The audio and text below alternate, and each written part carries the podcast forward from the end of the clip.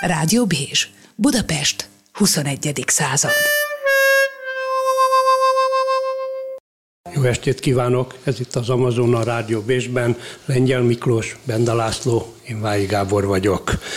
A mai műsorban az Európai Unió, a sebességek és esélyek lesz a téma. Kezdjük egy aktualitással. Számomra nagyon meglepő volt pozitív értelemben, hogy az Európai Unió gyorsan reagált a fehér orosz fejleményekre.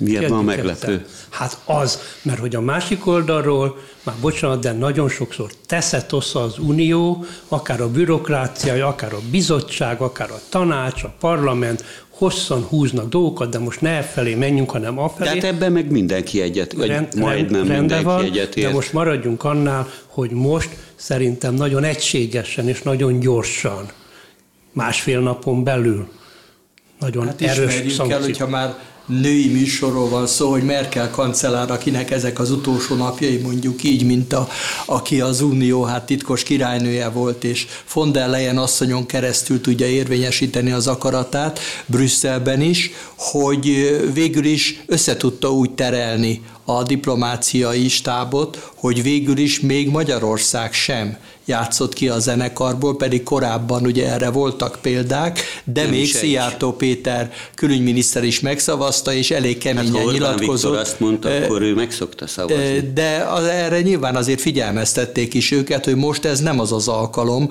amikor egy ilyen esemény kapcsán ellenkezni lehet az unió egységes álláspontjával, pedig ugye hát azt mindenki tudja, hogy Putyin elnök erőteljesen támogatja Lukasenkát, aki ezt az akciót minden bizonyal nem indította volna el, ha az oroszok támogatását nem élvezi, és ennek ellenére a magyar kormány, amelyik ugye elég jó kapcsolatokat ápol Putyinnal, sőt talán a legjobbat az unió jelenlegi tagjai közül, mégis megszavazta ezt a közös határozatot. És hát nagyon jogos a lelkesedése a műsorvezetőknek ez iránt, csak a másik kérdés az, hogy mit érünk el ezzel. Tehát itt ezzel az a szomorú, hogy, egy hogy morálisan, hogy nem a vétóval, hanem az, hogy a morálisan elítéljük Belorussziát, akkor mi van? Tehát lényegében, mert mit mondott Lukasenko, ugye a reakció is érdekes, ez egy morális fenyegetés, ezt az egész országot most kizárják a légi közlekedésből. De mivel fenyegette meg ő Európát, és ez egy érdekes dolog, egyrészt azzal, hogy drogháborút indít Európa ellen, ami azért egy elég finom célzás arra, hogy az orosz titkos szolgálat eléggé benne lehet a drogkereskedelembe, hogy egy ilyen háborúval meg tudja fenyegetni Európát. Kettő, migráns áradatot indítok el, mondja a Belorusszia elnöke, aki nyilvánvalóan ezt se tehetné Oroszország nélkül. Tehát, hogy a migráns kérdésben is az oroszok úgy látják, hogy ütőkártyáik vannak. Milyen és ez azért enged át? Ez nem derült ki Lukasenko, mondom, hogy hát Belorusszia önmagában nevetséges, hiszen Belorussziának a migráns helyzetben játszott szerepe periférikus, de mindenképp érdekes, hogy ezzel fenyegette meg Európát. Tehát emögött olyan aduk vannak, vagy lapulhatnak, ami azt mutatja, hogy az orosz titkos szolgálat bizony nagyon is benne van ezekben az ügyekben, amelyek adott esetben a migráns kérdésben, vagy a drogkereskedelemben kínos pillanatokat okozhatnak Európának is. Na már megint a titkos szolgálatoknál vagyunk. Mindegy, akárhogy is az Európai Unió szankciókat, gazdasági, pénzügyi szankciókat szavazhat meg, vagy hozhat Belarus ellen, vagy Lukasenka brigádja, klánja ellen. Ez azért erőteljesen lesújthat még mindig Belarusra, még akkor is, hogyha közben épül, szépül az északi áramlat, gázvezeték Oroszországból Németországba, ez is korábban meglehetősen vehemens vitákat váltott ki, de akárhogy is van, Lukasenkát egyértelműen Európa utolsó diktátorának szokták nevezni. Hozzáteszem, hogy nem csak a nyugati sajtóban, most Európán belül értem ezt, Magyarországon csak bizonyos némely sajtótermékek. Tehát ez nem lehet közömbös. És ezen a téren azt hiszem, hogy az Orbán kormánynak is illet beleegyezőleg bólintania, még akkor is, hogyha Orbán Viktor az ezt követően az úgynevezett közszolgálati médiumoknak adott interjújában mereven elhatárolódott attól, hogy megemlítse ezt a kérdést, mint a napirenden lévő főpontok egyikét. És hát emlékeztessünk rá, hogy ő azért kezet rázott nem is olyan régen Lukasenko elnökkel. Mízben, hát a vitatott választások előtt mízben, tehát lényegében ez egy eléggé hát baráti kapcsolat ahhoz képest, hogy mennyire elítélik Európában. Ez is egy érdekessége mondjuk a magyar-belorusz, illetve ezek a magyar-orosz kapcsolatnak a részei tulajdonképpen, de hát ha már itt tartunk, akkor érdemes arra emlékeztetni, hogy lesz orosz amerikai csúcs találkozó. Tehát azt is mostanában jelentették be, és érdekes módon ugye a titkos szolgálatok főnökei. Tehát ugye Benda kolléga mindig tiltakozik, hogyha ezt túlságosan hangsúlyozzuk, de nem, a, de nem a külügyérek, nem a külügyérek jelentették be, hogy Genfben találkozni fog Biden és Putyin, hanem Nikolaj Pátrushev, aki régebben a titkos szolgálat főnöke volt, most pedig a Védelmi Bizottság titkára, tehát Putyin után a második ember ebben a hát katonai irányító testületben, és a másik ez a Jake Sullivan, aki pedig a nemzetbiztonsági tanácsadó. Tehát lényegében ők ketten hozták meg, tehát rajtuk keresztül érintkezett a két első számú vezető. Erre is ugye hát érdemes felhívni a figyelmet, hogy végül is az orosz-amerikai kapcsolatokban sajnos még mindig ez a domináns tényező. Mint hogy a kínaiakban például a kereskedelem jóval jelentősebb, ami ugyancsak zajlott az első kínai-amerikai tárgyalás kereskedelmi szinten, de az orosz és amerikai egyeztetésben még mindig domináns tényező a katonai titkosszolgálati vonal titkos szolgálat találkozik a titkos szolgálattal.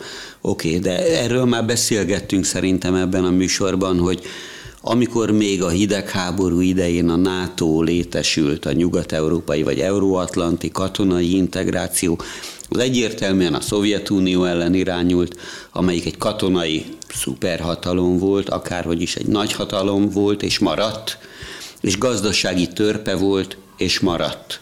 Most viszont Kína nőtte ki magát gazdasági szuperhatalommá, vagy nagyhatalommá, mellesleg katonai téren is erősen fejleszt. Tehát ez egy minőségi különbség. A Szovjetunióval vagy a poszt-szovjet államokkal, Oroszországgal nevezetesen, mint a legfontosabb utódállammal, nyilvánvalóan a katonai, biztonsági, belbiztonsági titkos szolgálati kapcsolatok változatlanul fontos szerepet játszanak.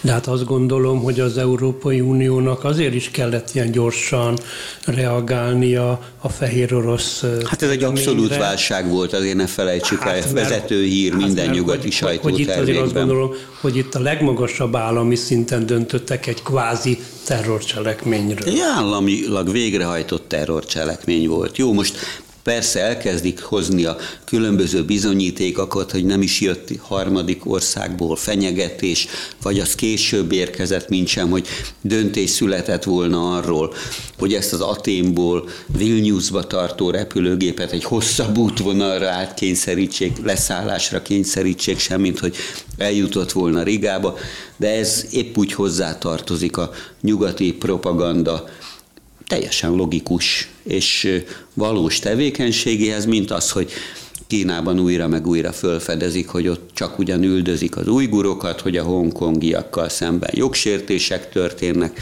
hogy a tibetieket hogy kebelezték be, és így tovább, és így tovább.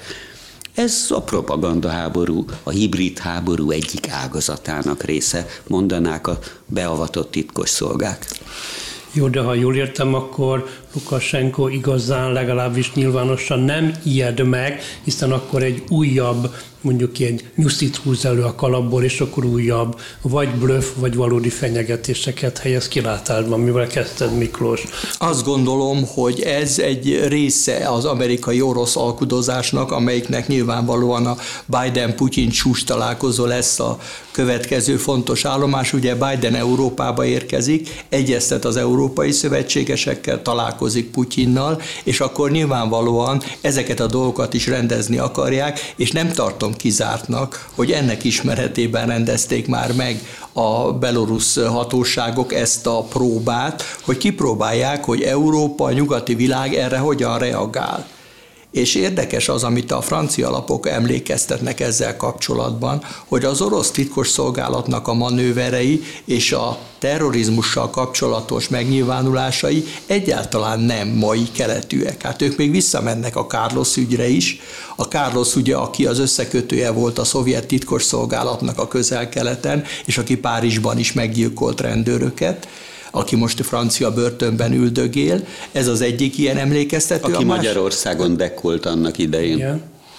Magyarországon pihente ki a gyilkolászás fáradalmait, és némi nőügyei voltak, hogyha szexológus műsorvezetőnkre is, hogy ő neki azért van egy ilyen túltengő szenvedélye volt a nők iránt, és hát ezt próbálta, több kollégánk is támogatta Kárloszt ezen az úton, megbízásból nőket hajtottak föl nekik, és hát így lényegében megnyugodva távozhatott a további terrorakciók reményében. De van egy frissebb célzás is, ami ilyen értelemben sokkal vérfagyasztóbb, ez a párizsi terrorakciók, amelyek ugye hát egyszerre csak nyolc iszlamista szervezet támadott meg különböző intézményeket Párizsban, és arra emlékeztetnek, hogy ott is fölmerült az, hogy az orosz titkos szolgálat támogatása nélkül valószínűleg erre nem lettek volna képesek.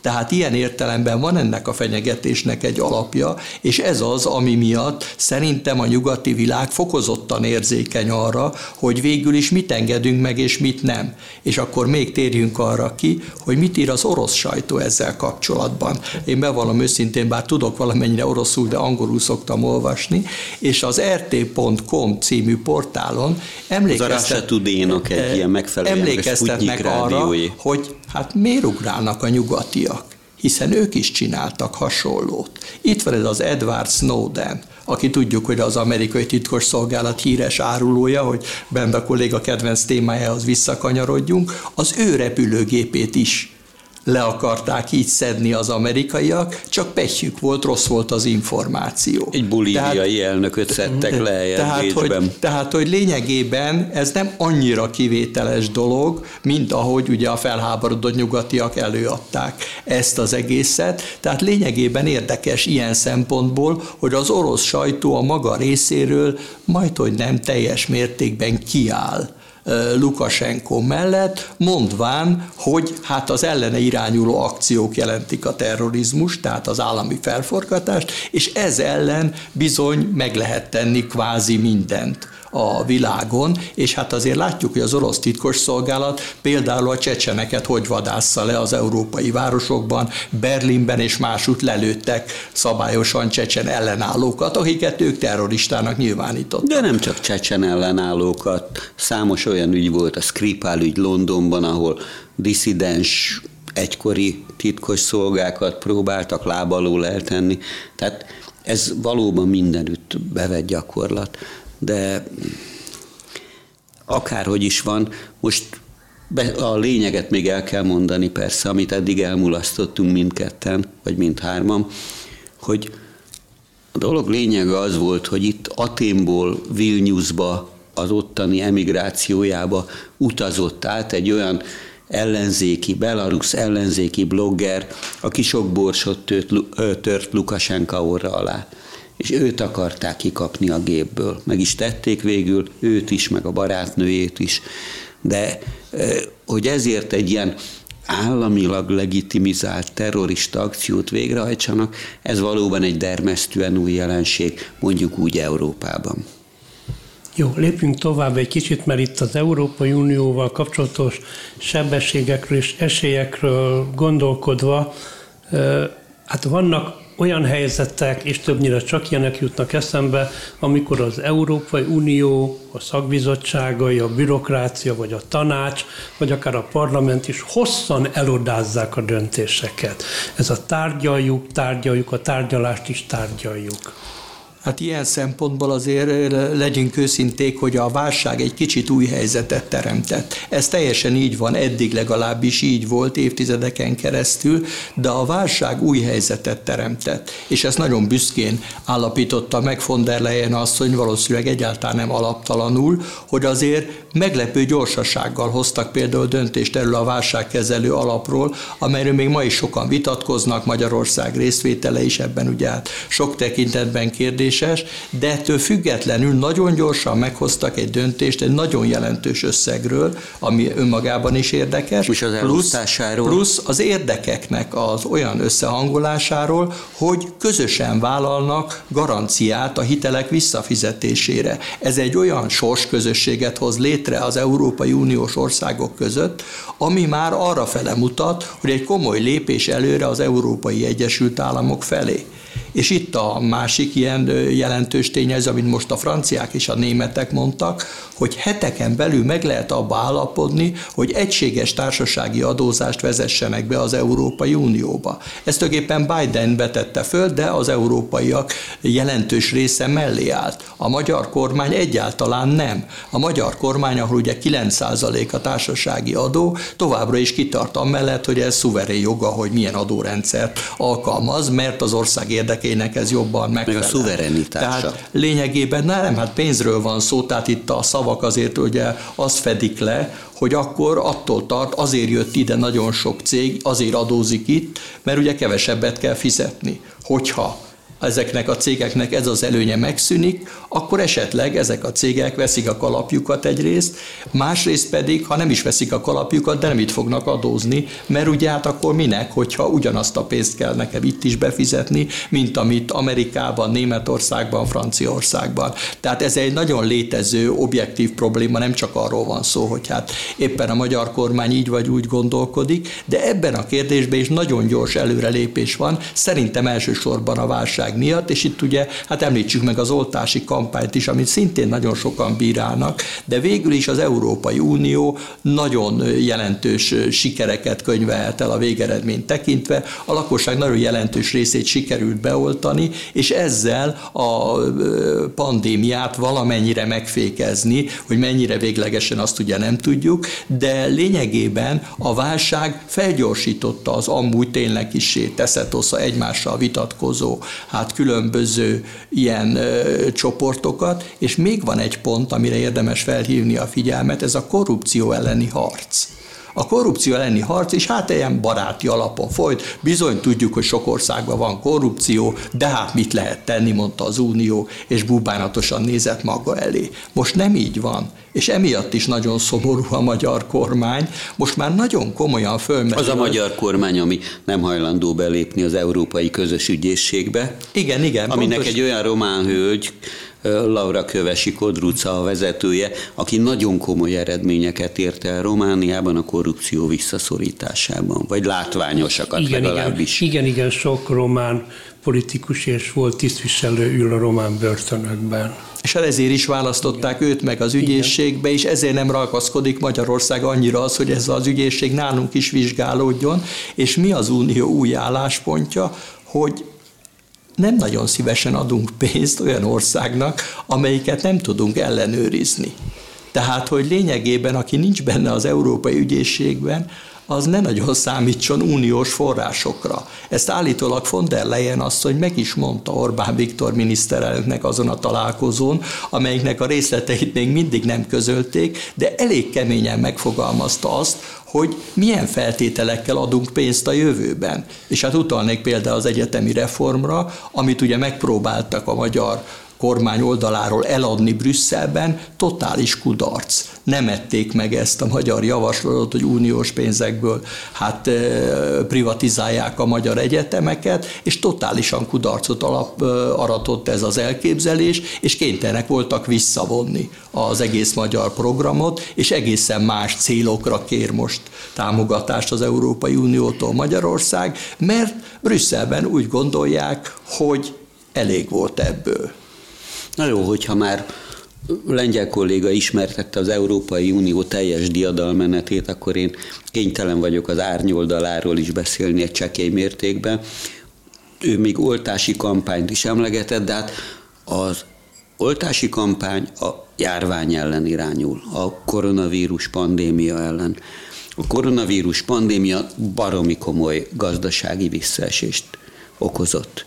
Ezt tapasztalhattuk a múlt héten tette közé a német iparkamara meg a statisztikai hivatal azokat az adatait, hogy még az idei év első negyedében is 1,8%-kal esett vissza a német ipari termelés. Még akkor is, hogyha itt-ott helyel közzel a külkereskedelmi adataik valamelyest jobbak voltak, de ez nagyon erősen kihat ránk. Nyilvánvalóan piszkálja az Európai Unióban is, ahogy lengyel kolléga már pedzegette, azok csőrét, akik azt mondják, hogy ez a magyarországi kitáncolás, ezek a vétó fenyegetések, vagy néhol nem csak fenyegetések, ezek nem jók.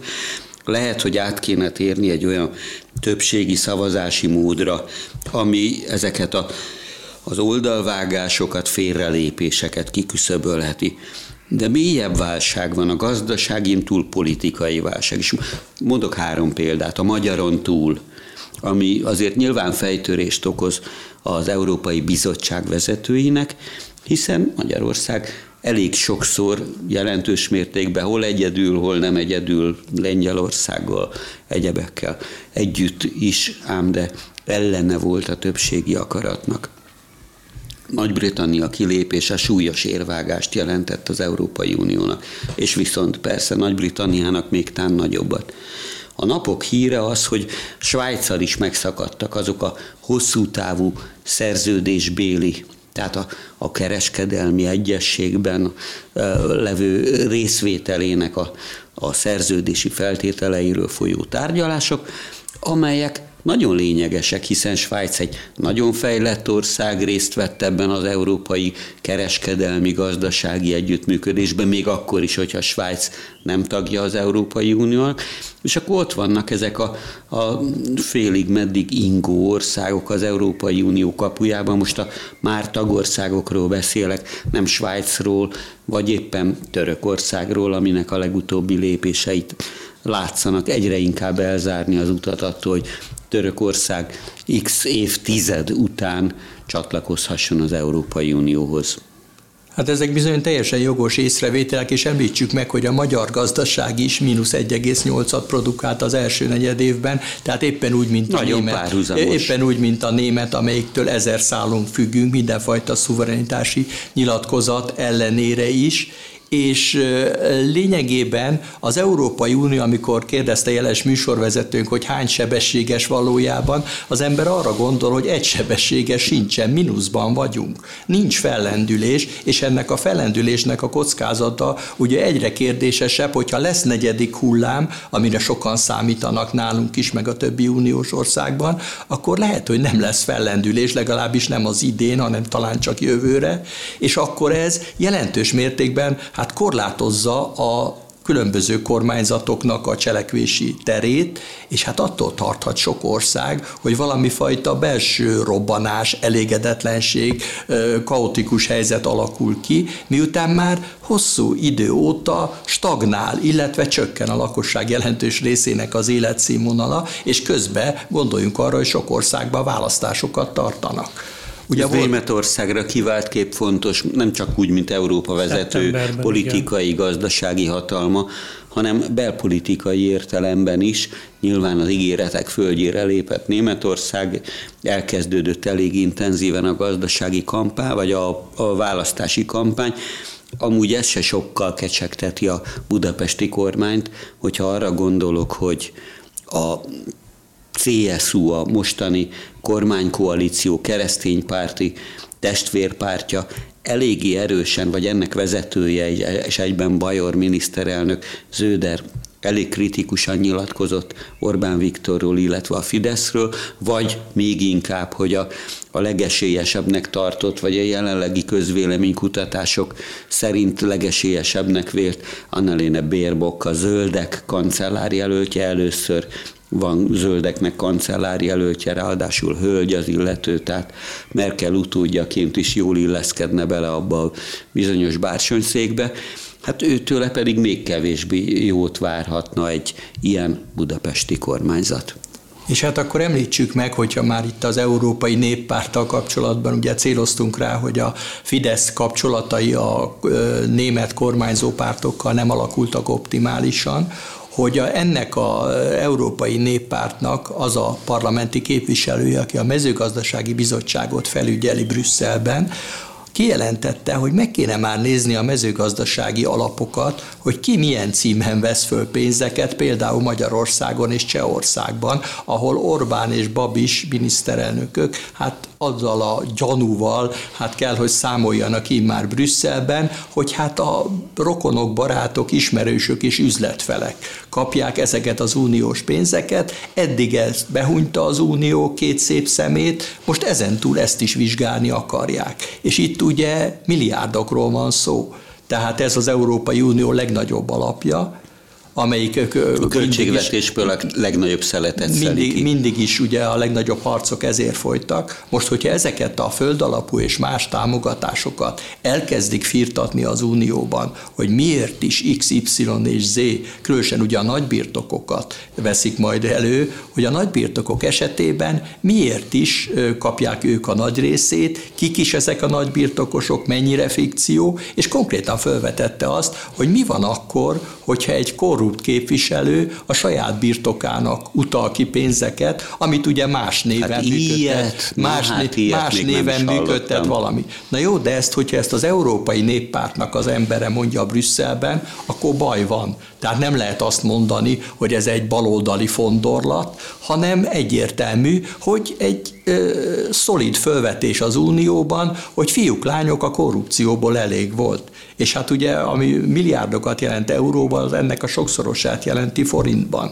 Tehát ilyen értelemben is számolnia kell a magyar kormánynak azzal, hogy a közeljövőben hát jóval szigorúbb lesz a kontroll, és ez kifejezi az új álláspontját vagy irányvonalát is az Európai Uniónak, aminek eredményeképpen megváltozhatnak a körülmények, de ehhez tényleg az kell, hogy új vezetése legyen, például Németországnak, és hogy ez az új vezetés irányt tudjon mutatni hát magának Németországnak, de főként az Európai Uniónak, és azt mondják, akik ismerik a német belpolitikát, hogy ez a 40 év körüli ifjú hölgy, aki a zöldek élén, hát jó eséllyel rendelkezik arra, hogy akár kancellár is legyen Németországban, rendelkezik azzal a képességgel, támogatottsággal, amivel ezt végre is tudja hajtani. És akkor ez azt mutatja, hogy azok az ellenállási lehetőségek, amelyekkel a magyar kormány számol, radikális mértékben csökkenhetnek. Ez annyiban érdekes, de egy inverze pont ellentetje annak, amit esetleg más országokban tapasztalhatunk, ahol az ellenzéket bírálják azzal, hogy túl sok párti, se, szinte semmiben nem értenek egyet, széthúznak, és így tovább. Ezért a kormánypárt megújíthatja a hatalmát, hogy Németországban a jelenlegi kormány oldalon látom éppenséggel ezt. Nem véletlen, hogy Annalena Berbokot, a zöldek kancellárjelölt hölgyét esélyesnek tarthatják arra, hogy akár, mint a legnagyobb, vagy a második, ez már egyértelműnek látszik, második legnagyobb párt vezetője, akár koalíciós kormányt vezethessen.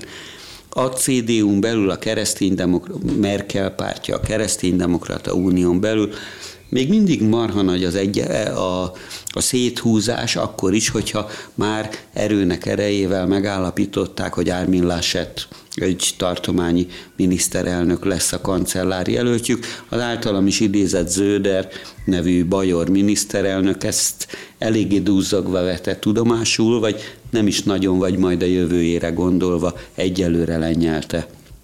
A másik oldalon viszonylag nagyobbnak látszik az egység, még akkor is, hogyha a szociáldemokraták miként rendre a legtöbb országban, Európában visszaszorulóban vannak, akárha a zöldek javára, zöldekkel szemben, ők azok, akik a legtöbb szavazatot vehetik tán el előlük, harmadik párt, jó esetben harmadik párt szerepkörére kárhoztatnak Európa vezető hatalmában Németországban.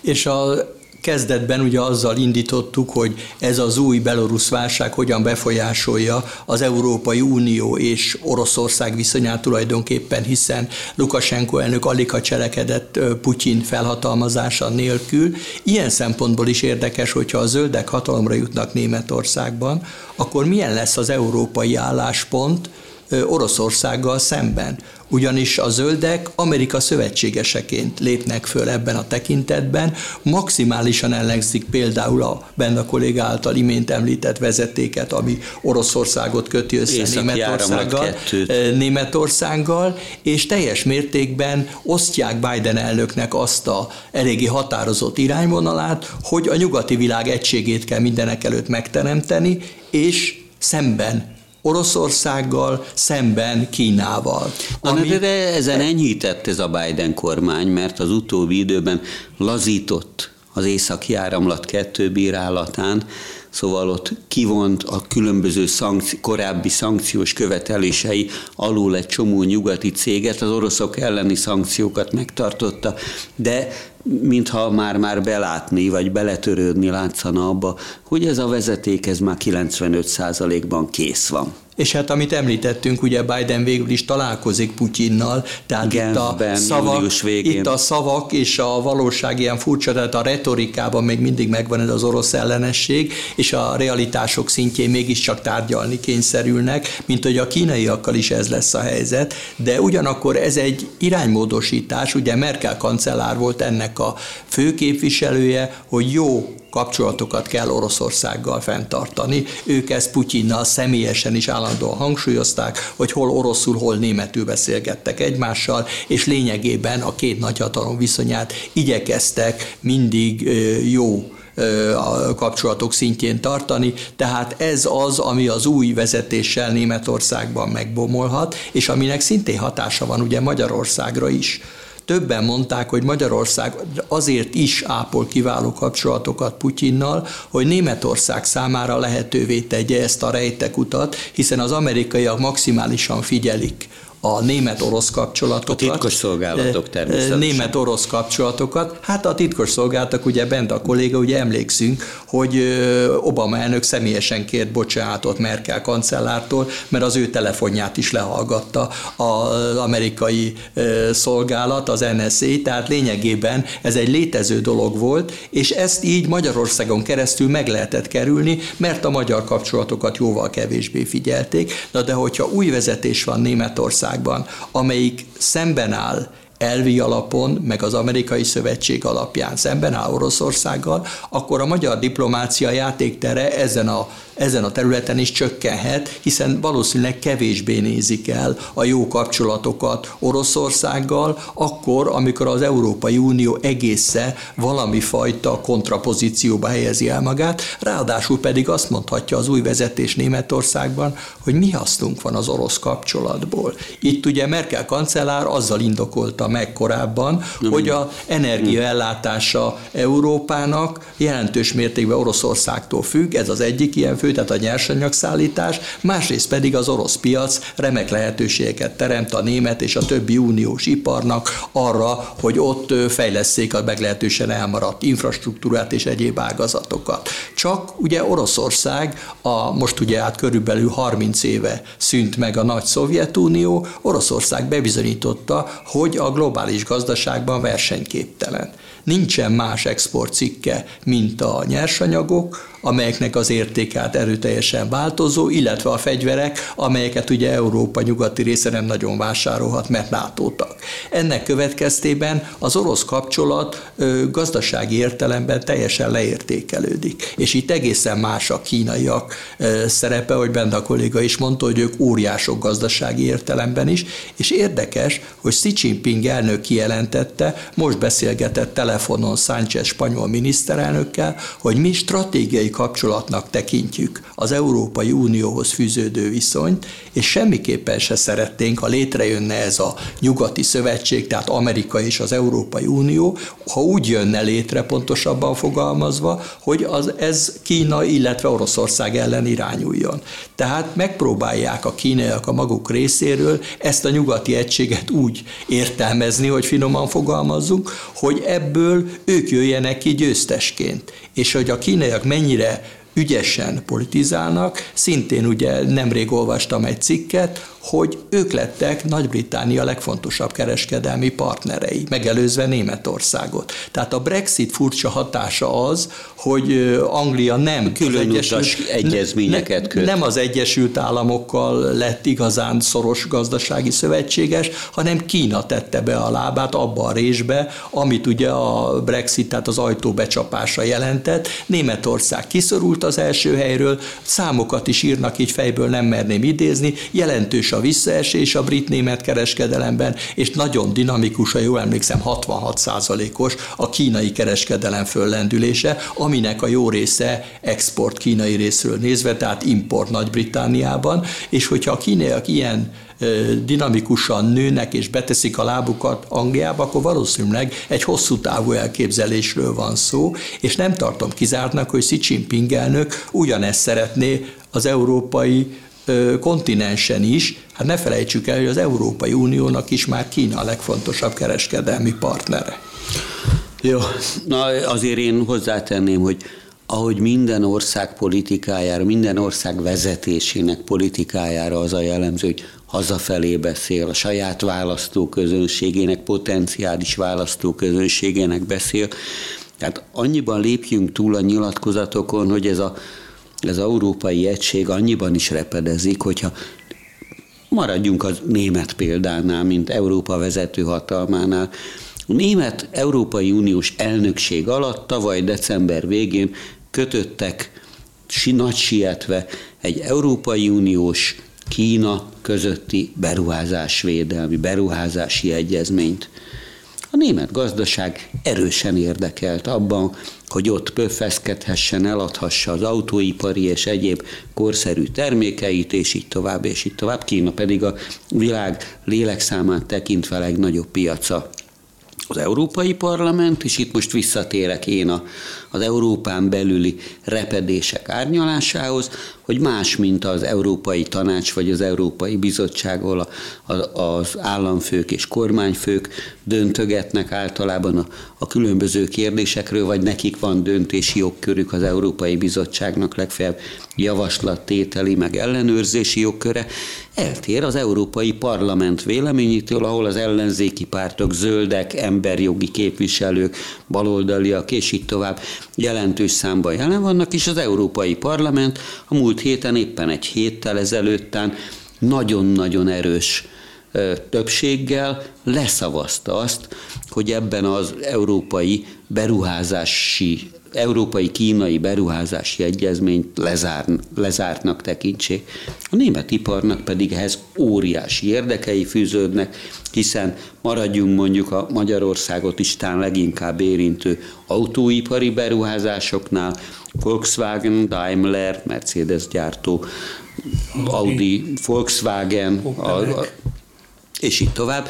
Hát a világ legnagyobb autóipari piacán, hát olyan fényes kínai autószalonokba jártam, feltételezem, hogy te is, bár kicsit korábban voltál ott, ahol káprázott a szemem, talán Moszkvába volt hasonló, hogy az új gazdagok vegyék meg, vegyék és egyék, és, és hihetetlenül jól működött ez a piac, és nem szabad elfelejteni, hogy Kína még az elmúlt koronavírustól terhelt világgazdasági esztendőben is a nagyobb teljesítményű gazdaságok közül egyedül tudott növekedést fölmutatni, mindenütt másút 5, százalékos vagy még annál is nagyobb recesszió volt, ahogy példáztam ezt a német, német eddigi első negyedéves számadatok alapján.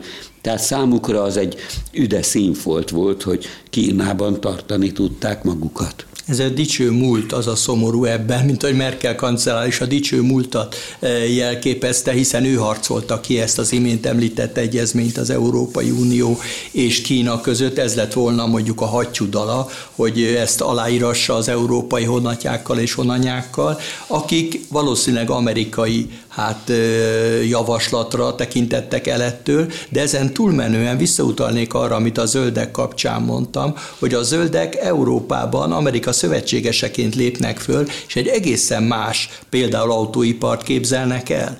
Tehát lényegében számukra ez a hagyományos autóipar, ami ugye Németország egyik fő erőssége, ez sokkal inkább ellenség, mint támogatandó partner. Riválisnak. És hát olyan értelemben, hogy az ő elképzeléseik szerint azokat a különböző tendenciákat kell támogatni, amelyek a zöld programokat elősegítik, és ezek nem a benzinautók vagy a dízelautók, hanem például az elektromos autók, és egyáltalán az alternatív közlekedési formák. Ennek következtében nem kizárt, hogy az új kancellár, hogyha éppen ez a zöld 40 év körüli vezető lesz, egészen más irányvonalat fogalmaz meg ezzel kapcsolatban, tehát ezek a hagyományos német autógyárak nehéz helyzetbe is kerülhetnek, mert nem kapják meg azt a komoly hazai támogatást, és uniós támogatást sem, mint korábban, és ráadásul eléggé elveszettnek tűnnek az elektromos piacon. Utalnék arra, hogy a Tesla az amerikaiaknak a fő elektromos elektromos autó gyártója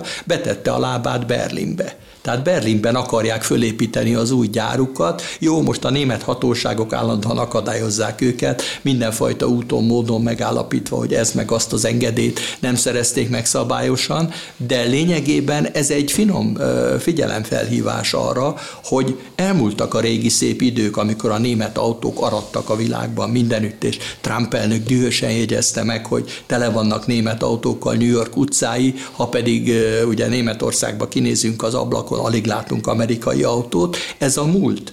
Ugye ez a Elon Musk a Tesla ura már ugye arra gondol, hogy ő az elektromos autóit el tudja adni. Németországban. Hát ha és, csak addig a kínai autók és meg a nem kínaiak előzik. is, és épp ez a baj, hogy a kínai autós piac, Mi az, hogy ami baj? óriá, hát a német autóipar szempontjából, akik arra alapozták a jövőjüket, több autót adtak el Kínában, mint otthon.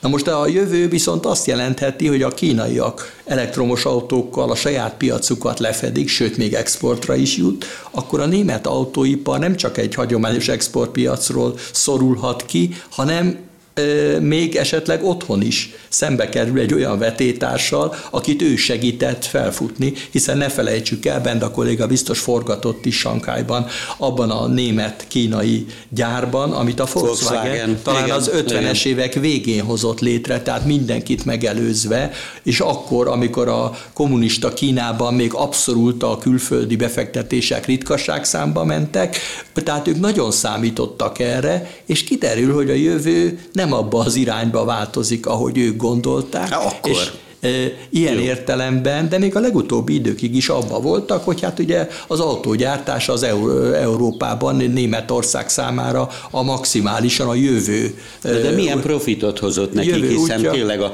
a legnagyobb, legminőségibb autógyárak, összeszerelő üzemei, stb. mind ott vannak Kínában. Tehát ez egy óriási referencia volt, és a német iparnak tényleg egy ilyen zászlós hajója, de úgy tűnik, hogy a változások nem ebbe az irányba mutatnak, és ilyen értelemben nem csak Németország, de egész Európa meg van fogva. Hogyha a legsikeresebb és legnagyobb országnak a legfontosabb iparága ilyen helyzetben van, akkor milyen helyzetben vannak a többiek? Ki fogja azt a bevezetőbe említett kétsebességes Európát dinamikusan előre vinni? Tehát negatívumokkal tele vagyunk, de ki lesz az, mert ugye tudjuk, hogy Amerikában és Kínában az informatika az, ami domináns ágazatként ezt az előrelépést hát majd elősegíteti elsősorban. Hol van ez az ágazat Európában? Pont ezt akarom kérdezni, hogy a pandémia előtti fogalmaknak van-e még most értelmük ez a kétsebességes vagy többsebességes Hát, Európa? ne viccelj már, kétsebességek, eu- kétsebességes Európa volt, van és lesz. Én emlékszem arra, hogy mielőtt akár a NATO-ba, akár az Európai Unióba belépett volna ez a jó néhány, főleg kelet-európai ország, vagy dél-kelet-európai ország, akkor minden alkalommal minden beszélgető partneremnek Brüsszelben vagy más európai fővárosokban fölvetettem, hogy de nem leszünk-e mi ott másodrangú polgárok, nem lesz két kasztra bontva ez az Európai Unió, tehát kétsebességes, ezt finomabban így fogalmazták meg, és minden, hogy Nyugat-Európában persze mindenki vehemensen cáfolta. Tehát ez előtte is, alatta is, és még szerintem jó sokáig tény marad akármilyen statisztikai kimutatás. Jó, minden kormány produkál magának, magyar kormány még az oltási kampányairól is, elképesztő statisztikai Ez a Churchill. Sor, hát persze, sor, adatsorokat produkál, hogy milyen menők vagyunk az oltásba, de például az egész világon egyedülállóan magas az egy millió főre, mindegy akárhány főre jutó elhunytak száma. Tehát ez, a, ez, ez nyilvánvalóan eltérőek a megközelítések, de hogyha az összes mondjuk úgy negatív statisztikát, egyfőre jutó nemzeti jövedelmet, vagy hazai összterméket, vagy szinte bármilyen adatsort egybevetünk, akkor mindig ugyanaz a pár javarészt később csatlakozott, vagy akár még utánunk 2004 után csatlakozott ország kullog hat mögöttünk, hogyha nem csúsztunk hátrébb, mint amelyik addig. Ez a minimum kétsebességes Európa volt, van és lesz. De hát nincs felzárkózás, tehát itt tulajdonképpen lehet általánosítani ennyiben is, hogy az egy ígéret és remény volt, hogy felzárkóznak, ez már Dél-Európában is látszik, hiszen aki ellátogat mondjuk Görögországba, amelyik ugye a legrégebbi csatlakozók között van, mondjuk a hozzánk képest mindenképpen, én éppen ott voltam, amikor az Unió felajánlott egy kis lehetőséget a magyar újságíróknak, hogy tájékozódjanak a korábban belépett országok körében, hogy mégis milyen tapasztalataik vannak az Unióban. A görögöknél derült az ki, hogy a különbség Görögország és mondjuk Németország között nem csökkent az Unióban. Ez addig nem gond, amíg a németek is mennek előre, meg ők is, de a különbség egyértelmű volt, és elég tömeges volt a kivándorlás már akkor is, tehát 2004-ben, és a következő, amit tapasztalni lehet, hogy ez Kelet-Európában ugyanígy van, ezek az országok asszimptotikusan közelítik a fejlettebb nyugati világot, de sose érik el. Jó, de akkor talán jogosnak tűnik az a kérdésem, hogy akkor ez egy politikai, gazdasági törvényszerűség, amiről beszéltek, ez a két vagy több sebességes effektus, vagy pedig egyszerűen a, a Nyugat-Európából Kelet-Európában mondjuk így pumpált fejlesztési alapok egyszerűen rosszul hasznosulnak. Mind a kettő. Mind a, ke, mind Tehát, a hogyha a lengyel kolléga említette, hogy, hogy Görögországban milyen tapasztalatokat szerzett, akárha intő példaként mielőtt ez a 2004-es nagy bővítés, tíz új Európai Uniós tagállam csatlakozott volna. Én ugyanezt tapasztaltam Portugáliában, ahol óvaintettek a, a túlzott infrastruktúrális látványberuházások ellen, bár megirigyelhetnénk nyugodtan azt a ugyanakkor a területű, ugyanakkor a lakosságú országnak a fantasztikus autósztráda hálózatát, és így tovább. De nyilvánvaló, hogy Ebben olyan nemes hagyományok is szerepet játszanak, mint a korrupció, a pénzek elfolyása, a pénzek rossz felhasználása, rossz irányú hasznosítása, és így tovább. Bocsánat, akkor ebben az is benne van, amit ma mindegy, hogy melyik jeles politikusunk is így fogalmazott, hogy alapvetően az uniós pénzek nagy része az vasba, betonba, kőbe van beöntve, mert ha azt mondod, hogy mind Amerika, mind pedig Kína az elsősorban a humántőkébe, vagy az informatikába fektet be nagyon, ami azért egy másfajta koncepciót. Hát igen, de nekem kicsit cinikusabb véleményem van az európai pénzekről, mint bent a kollégának, aki a fejlesztések hát lehetőségét látja benne, vagy jeles műsorvezetőnk is esetleg. Én szerintem Görögországban is azt lehetett tapasztalni, hogy persze vannak fejlesztések, de a fő cél nem ez, hanem a helyi elitnek a lekenyerezése. Ugyan tehát, hogy, mondod, tehát, hogy lényeg, lényegében az, hogy a helyi elittől azt várják el, hogy az egész országot hozza az Európai Unió számára, a problémákat oldja meg, és hát Brüsszelbe pedig fogja be a száját. Na most ez többé-kevésbé a görög elit meg is valósította, zsebre vágva mindent, ami zsebre vágható, és végül is a... És nem csak a görög elit. Tehát ez mások számára is ez volt az út, és a problémát valóban abban látom, ami itt a kérdésben megfogalmazódott, hogy az uniónak a vezető országai, hát nem tőlünk várták azt, hogy majd Európa megújul, Az unió vezető országai is elnézték az informatikai forradalmat, ennek a jelentőségét, elnézték a környezetvédelmi gondolat hatását arra, hogy milyen gyorsan lehet bevezetni például az elektromos autózást, tehát jelentős mértékben lemaradtak a világtól, és emiatt egész Európa versenyképtelenné válik, és ezen belül talán mi is. És akkor emlékeztetnék arra, hogy hát egy amerikai jeles tudós, aki nemrég halt meg, de már régen kifejtette elméletét, ez a Wallenstein nevezetű professzor, ez a centrum-periféria elmélet alapján kifejtette azt, hogy a centrum és a periféria közötti kapcsolat eléggé stabil. Tehát ő Észak-Amerika és Dél-Amerika, illetve Latin-Amerika kapcsolatán mutatta ki elsősorban, de más példái is vannak, hogy a centrum határozza meg az erőviszonyokat, azt, hogy mi mennyi, milyen tendenciák érvényesek, és ehhez képest Latin Amerika, a követő országok, a periféria mindig a második vonalban valad, függetlenül attól, hogy mit produkálnak ott, és hogy abban a pillanatban éppen ott diktatúrák vannak, vagy demokráciák, a jobb oldal van hatalmon, vagy a bal oldal. A végeredmény az, hogy az Egyesült Államok és Mexikó határa továbbra is olyan erős jóléti határ, mint mondjuk 200 évvel ezelőtt. Egyetértek. Akkor, Ilyen ritkán hangzik el. Igen, de mégiscsak az elején, mintha azt csúszott volna ki Miklós a szádból, hogy akár e gyors reagálás az uniónak a Belarus, vagyis a fehér orosz terror, állami terror akcióra. De perifériára csúszunk, Értem, Belarus, várjunk, nem... Várjunk, várjunk egy pillanatot, de ott mégiscsak, mint azt mondta volna Miklós, hogy ez egy fokot mégiscsak mutat az Európai Unió, vagyis az összeurópai összefogás felé. Igen, hát és ezt is a többi gazdasági tény is, amit említettem, hogy van egy törekvés az Európai Egyesült Államokra, Igen. mert éppen az amerikai példa alapján azt a tanulságot vonták nagyon sokan, például Macron francia elnök, aki ugye szintén alig több mint 40 éves, hogyha nem lesz Európai Egyesült Államok, nem lesz egységes gazdasági unió, nem lesz közös költségvetés, akkor Európának nincsen jövője. Lemarad a versenyben Észak-Amerika és Kelet-Ázsia között,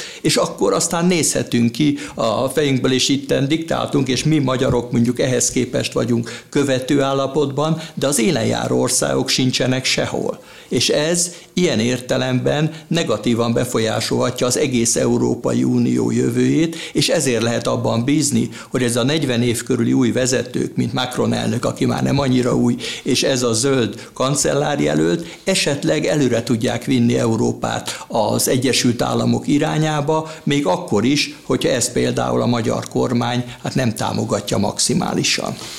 Kicsit eső utáni köpönyek, szóval Brexit után svájci hezitálás, külön utas álláspontok az Európai Unión belül, számos olyan repedést látok ezen az egységes európai falun, falon, ami miatt az Európai Unió már jó régen, de már ez a közös piacra is helyel közel jellemző volt. Hátrányba került az amerikai, szovjet, amerikai, kínai versenyfutásban, és amíg ezt az, ezeket a repedéseket nem tudják érdemben reparálni, már pedig feltételezésem szerint nem igen tudják, nem látom ezt, ennek a perspektíváját, addig ez így is marad. Köszönöm. Benda Lászlót, Lengyel Miklóst, Vályi Gábort hallották itt a Rádió B és Amazonájában. Rádió Bézs, Budapest, 21. század.